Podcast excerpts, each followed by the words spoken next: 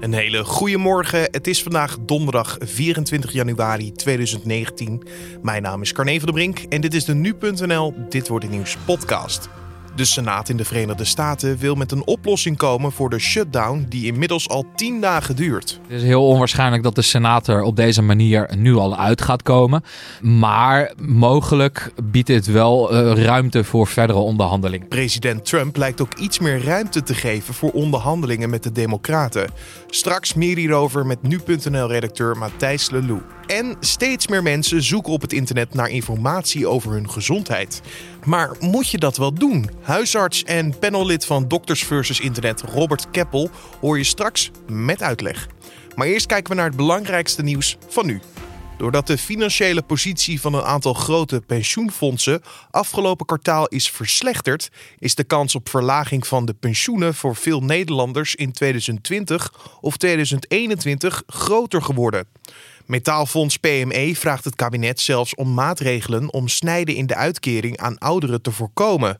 De branche kreeg in de laatste maanden van 2018 flinke klappen als gevolg van de wereldwijde dalende beurskoersen. De Adams Family heeft dit jaar de belangrijkste prijs bij de Musical Awards gewonnen. De musical werd woensdag in het Rai in Amsterdam uitgeroepen tot beste grote musical. De andere genomineerden waren Evita en Wolfside Story. Naast de prijs voor de beste grote musical ontving de musical ook nog de prijs voor beste regie. En John van Eert werd geprezen voor zijn bewerking en vertaling van de Adams Family. Daarmee wist de productie drie van de elf nominaties te verzilveren. De publieksprijs ging met 53% van de stemmen naar The Lion King. De productie versloeg Mamma Mia en Soldaat van Oranje en won de prijs voor de tweede keer. De belangrijkste prijzen voor solisten gingen naar de hoofdrolspelers van de musical Evita. René van Koten won de prijs voor de beste acteur. En zijn tegenspeelster Brigitte Heitzer won de prijs voor de beste actrice. Waardoor Evita de grote winnaar van de avond was. Bij een brand in een staakcaravan op een camping in het Limburgse Mierlo is iemand om het leven gekomen. De identiteit van het slachtoffer is nog niet bekend. Tijdens het blussen werd het lichaam van het slachtoffer gevonden en de politie onderzoekt wat er precies is gebeurd en roept getuigen op zich te melden. Voetbalclub Feyenoord heeft woensdagavond de halve finales van de Toto KNVB-beker gehaald. De Rotterdammers waren in de Kuip mede door twee benutte strafschoppen met 4-1 te sterk voor Fortuna Sittard. Door de ruime zegen blijft Feyenoord in de race om de KNVB-beker voor het tweede jaar op rij te winnen. De ploeg van trainer Giovanni van Bronckhorst was vorig jaar in de finale met 3-0 te sterk voor AZ. De Zweedse autobouwer Volvo roept wereldwijd 219.000 auto's terug vanwege een technisch probleem.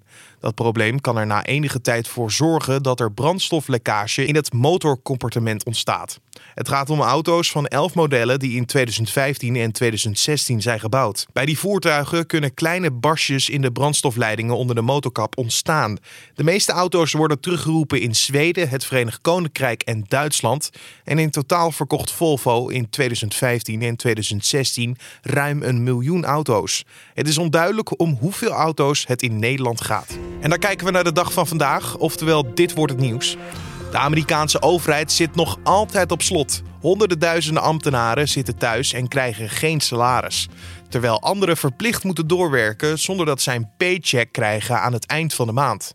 De Senaat probeert vandaag met een oplossing te komen. Daarover hoor je Julian Dom in gesprek met nu.nl-redacteur Matthijs Lelou. Het gaat om twee maatregelen. Uh, de Democraten die eh, brengen een voorstel in Ehm, dat de federale overheid, uh, tenminste de gesloten, het gesloten kwart van de federale overheid, uh, drie weken lang weer moet openen.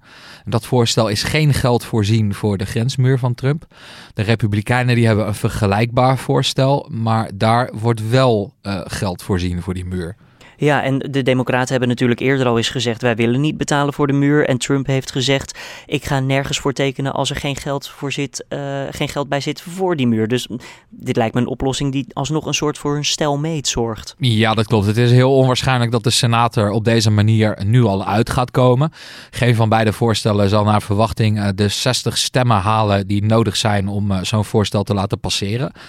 Um, maar mogelijk biedt dit wel ruimte voor verdere onderhandelingen. De Senaat die heeft zich tot nu toe in deze kwestie redelijk afzijdig gehouden.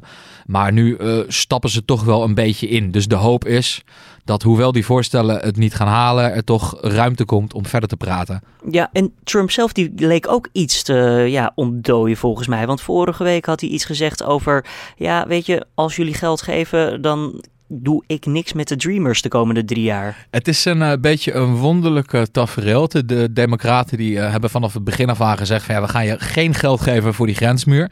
En dat standpunt, daar zijn ze ook nooit van afgeweken. Nou ja, de, uh, president Trump die schoot het van de andere kant net zo hard in door te zeggen ja, ik, ik ga geen begrotingen tekenen tenzij ik die 5,7 miljard voor die grensmuur krijg. Maar de Trump die onderhandelt zichzelf inmiddels een beetje naar beneden. Hij zegt nou ja, zoals jij net net al aanhaalde, zei hij uh, van uh, we kunnen de Dreamers, dat zijn mensen die als minderjarige asielzoeker door hun ouders werden meegenomen naar de VS. Die kregen onder uh, president Obama kregen zij het, het, recht om te werken en opleidingen te volgen in de VS. Een soort tijdelijke verblijfsvergunning, uitstel van uitzetting. Ja, Trump die heeft zelf heeft hij dat afgeschaft. En nu zegt hij tegen de Democraten: als ik dat geld voor die muur krijg, dan krijgen die Dreamers nog wat langer uit uitstel. En de democraten die zeggen, ja luister, dat is een beetje een sigaar uit eigen doos. Want je hebt uh, immers zelf heb je dat, uh, heb je dat afgeschaft. En, en zo zijn er nog wat meer punten. Uh, daar van begin af aan heeft Trump het heel duidelijk over een muur gehad. Echt een, een bouwwerk, een muur over de hele lengte van de Mexicaanse grens. Ja. En inmiddels uh, is dat afgezwakt naar ja, fysieke barrières op sommige punten. En het zou dan niet gaan om echt een betonnen muur, maar om een stalen afzetting. Dus het is eigenlijk wel wonderlijk om te zien hoe Trump eigenlijk zichzelf telkens een beetje uh, naar beneden onderhandelt. Kan deze shutdown eigenlijk wel worden beëindigd met samenwerking? Uh, bijvoorbeeld van Republikeinen en Democraten. Dat zij op een gegeven moment zeggen: Nou, weet je, het heeft lang genoeg geduurd, we gaan om Trump heen. Of uh, kan het Trump-veto niet worden vermeden? Een, een, presidentieel veto dat kan worden aangevochten. Daar is een uh, tweederde meerderheid voor nodig in de Senaat. Ja, het is, vooralsnog is het onwaarschijnlijk dat die te mobiliseren valt. De Republikeinen die hebben een vrij stevige meerderheid in de Senaat nog steeds. En uh, ja, zij blijven toch nog wel uh, over het algemeen achter de president uh, staan. Hoewel er wel een paar Republikeinse senatoren en leden van het Huis van Afgevaardigden inmiddels ook een beetje nerveus beginnen te worden. En, en ook aandringen op heropening van de overheid. Maar er zijn nog niet, de aantallen zijn nog niet dusdanig dat een veto zal worden aangevochten. En in het verleden, wordt niet vaak gedaan. Ongeveer 10% van de presidentiële veto's wordt in de Senaat, uh, wordt door de Senaat overruled. Oké, okay. laten we het dan eventjes hebben over het uh, Twitter-gebruik van de president. Want ja, hij is een fervent gebruiker. Hij liet altijd snel weten dat economische groei te wijten was aan zijn vakkundige leiderschap. En nu zitten we echt met wat minder positief nieuws over de economie. De shutdown laat namelijk ja, een beetje een stagnatie van die economische groei zien. Is uh, daar ook wat van te merken in ja, de Twitter-activiteit van Trump zelf? Nee, zijn, zijn retoriek op Twitter blijft eigenlijk hetzelfde. Hij heeft... Eigenlijk gisteren heeft hij nog getweet dat het uh, ontzettend goed gaat met de Amerikaanse economie. De beste ter wereld uh, zijn woorden. Maar uh, ja goed, dat beeld dat wordt wel steeds moeilijker om vast te houden. Zoals je al zei, de groei die vlakt af. Dat is ook heel direct een gevolg van die shutdown. Economen van het Witte Huis die hebben recent berekend dat de schade van de shutdown voor de economische groei twee keer hoger ligt dan zij aanvankelijk aannamen. Dus binnen, uh, voor elke week dat de shutdown duurt, uh, het vlakt de economische groei met ongeveer 0,1 procentpunt af. Ja, dat is, dat is vrij fors. Uh, daar komt nog bovenop dat uh, natuurlijk uh, de aandelenbeurzen, waar Trump ook prat op ging, die zag hij ook als een soort van maatstaf voor zijn succes. Ja, die zijn eind vorig jaar zijn ze ingestort. Zijn alle, alle vorderingen die in het afgelopen jaar, vorig jaar zijn gemaakt, die waren in één keer waren ze weggeveegd. Mm -hmm. ja, dat was onder andere te wijten aan, aan de handelsoorlog met China en, en, en de shutdown. Dus ja, Trump die, die blijft nog steeds een beetje uh, dezelfde trompet blazen. Maar uh, inmiddels wordt het wel lastig om, om, om te blijven volhouden dat het enorm goed gaat met de Amerikaanse economie. Dan nog even als laatste vraag, Matthijs. Ja, wie wordt nou als schuldige gezien door de Amerikanen zelf? Dat is uh, de president. Uh, een meerderheid van de Amerikanen, zeg maar 50, 51 procent van de Amerikanen, zegt heel duidelijk: ja, president Trump die, uh, die is de schuldige voor de shutdown. Dus ongeveer een derde van de Amerikanen die zegt: nou ja, de, de, de Democraten die hebben het verknald. En de groep die eigenlijk het meeste buiten schot blijft, dat zijn de Republikeinen in het congres. Dus ongeveer 15% van de Amerikanen geeft hen de schuld. Maar dat komt ook omdat die Republikeinen zich uh, tot nu toe redelijk buiten de discussie hebben gehouden. De Republikeinse senaatsvoorzitter Mitch McConnell, die heeft de hele tijd gezegd van, nou ja jongens, dit is een kwestie tussen Trump en de Democraten, dus die moeten er maar samen uitkomen. Maar voor de president en voor de populariteit van de president lijkt dit niet goed uit te pakken. We zullen dus nog even moeten afwachten hoe het vandaag precies zal gaan lopen. Zodra er dus binnenkort meer nieuws is, lees je dat natuurlijk op nu.nl en in de nu.nl app. En je hoorde Matthijs Lelou. Herkenbaar? Je hoest een paar keer of je hebt een bultje op je been of wie weet een vlekje in je nek. Even zoeken op het internet en je hebt werkelijk alles opgelopen wat maar mogelijk is. Binnen drie kliks kom je elke aandoening of ziekte wel tegen. Zeker als je niet precies weet waar je nou op moet letten. Je bent echt niet de enige die zoekt naar informatie over je gezondheid op het internet. Steeds meer mensen doen dat en dat blijkt uit cijfers van het Centraal Bureau voor de Statistiek. Daarom belt collega Julian Dom met Robert Keppel, huisarts en panellid van het televisieprogramma Dokters versus Internet. Keppel heeft inmiddels al drie seizoenen van het programma achter de rug.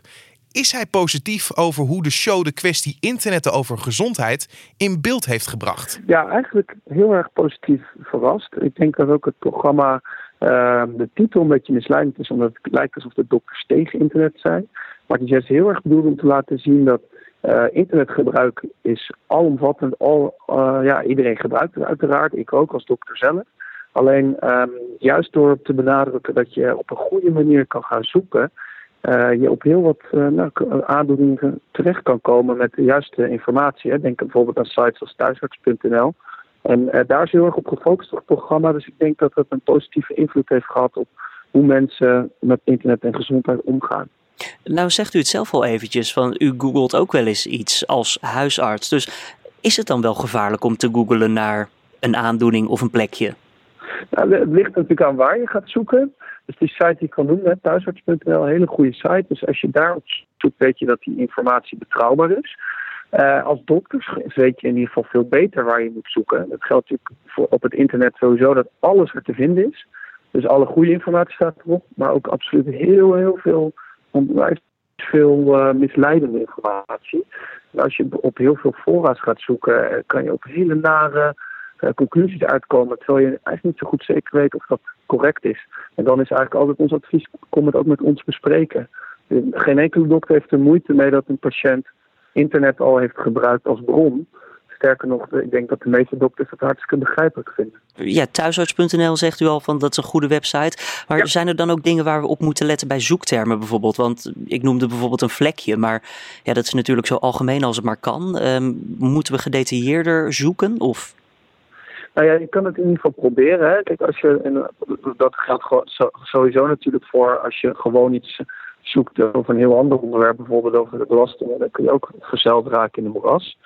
Um, met ook alle consequenties van die natuurlijk. Maar um, ik zou zeggen, probeer het gedetailleerd. Maar als je er niet uit kan komen of je kan er niet uitkomen met, met, uh, met vrienden of collega's, kom het gewoon met ons even checken. Want het lijkt me altijd verstandiger. Door het internet lijkt het wel alsof we dus het huisartsbezoekje steeds verder ja, weg hebben gezet. Een beetje van, nou weet je, het kan wel of laat maar, het is niet nodig. Het internet, mm, geloof ik ook niet, zal overgaan. Klinkt dat bekend? Nou, ik denk wel dat, dat uit eerdere cijfers, nog voor de cijfers van het CBS bekend waren, bleek al wel dat, dat een, het, het aantal consulten of het aantal telefonische contacten met de huisarts aan het afnemen is. Ik denk dat het ook een heel goed ding is, want dat houdt de relatief makkelijkere kwalen, de kwalen die zeker vanzelf overgaan, houdt het iets meer buiten de deur. Um, en de complexere problematiek waar de huisarts steeds meer mee te maken krijgt, is dan iets meer tijd voor. Nou is het zo dat je voor echt alles welkom bent bij de huisarts en ontzettend laagdrempelig in, om zorg te verlenen. Maar ik denk dat mensen het ook heel fijn vinden dat ze, dat ze met hun eigen zelfkennis, met, met het gebruik van internet, toch erachter kunnen komen van, nou ja, misschien kan ik hier toch nog voor deze hoest of dit, uh, deze klacht van mijn rug toch nog iets langer afwachten. Ja. Heeft u ooit gehoord van de term cybergondria? Ja, ja, ja dat is wel. Uh, ik heb wel een paar patiënten gehad die daar last van hebben. En ik weet niet of dat staaft met die cijfers, maar toevallig deze patiënten waren allemaal uh, jonge mannen van een beetje mijn leeftijd, dus uh, begin 30. Ja, want la laat ik de term even uitleggen. Het is dus dat je op internet zoekt en dat je ja, steeds erger en erger zorgen begint te maken over wat je allemaal zou kunnen hebben op basis van je online zoekresultaten. Ja, precies. Ja, ja, ja fascinerend ook weer. Hè? Dus uh, hoe, hoe verder de technologie ook gaat, er komen altijd toch wel weer aandoeningen bij waaronder zo'n cybergondria. Dus dat je inderdaad zo erg door aan het zoeken bent dat het alleen maar erger en erger en door, ja, je ziet door de boom het bos niet meer. En je denkt, nou, dit moet wel een foute boel zijn. En dat zijn toch altijd, ja, dat zijn toch altijd, dus hopelijk uh, kunnen we dat voorkomen door in een vroeger stijn te zeggen, kom het met ons bespreken. Ik wil niet zeggen dat wij alle wijsheid in pacht hebben, maar wel, we zijn er wel op getraind en om, om je samen weer uit verder, uh, verder te komen. Te kijken, heb je nou echt iets of moeten we nou nog andere dingen denken?